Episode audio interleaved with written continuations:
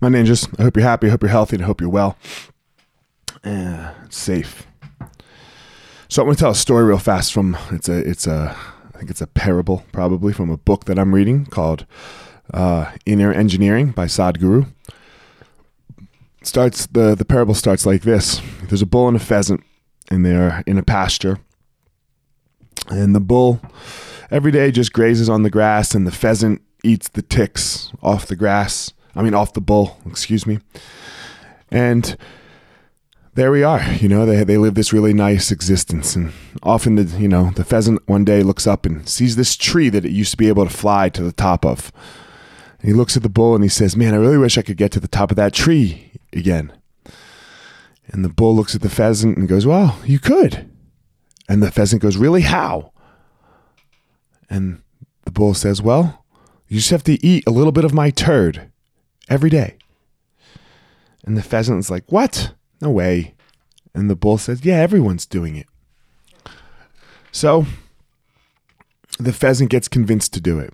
And every day it eats a little bit of the bull's turd. And every day he climbs a little higher up the tree. You know, one branch higher every day. And then finally, on the last day, it takes about two weeks. You know, he has that last bite of turd and gets to the top of the tree and he's on top. He's at the he's at the the pinnacle the top of the tree and he's fat and happy and very proud of himself. Look what i have accomplished. That tree was on a farmer's land you know? And the farmer comes out sees the pheasant at the top of the tree gets his shotgun and boom shoots the shoots the pheasant down. Moral of the story is you can eat bullshit all day to get to the top, but you won't stay there. What are we consuming? What what what kind of information are we taking in? What what are we allowing to enter our brains and really affect our mindsets? Are we consuming bullshit?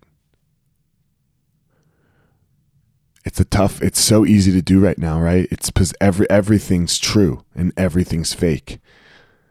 It's it's very very difficult. I i agree with you all. Let's try to stop the consumption of bullshit. We know what's good for us. We know what makes us whole. The news is not it. Media is not it. We know what makes us feel like an empowered complete human that lets us walk into the world with confidence, love, empathy, caring, so that we can go out in the world and find our power.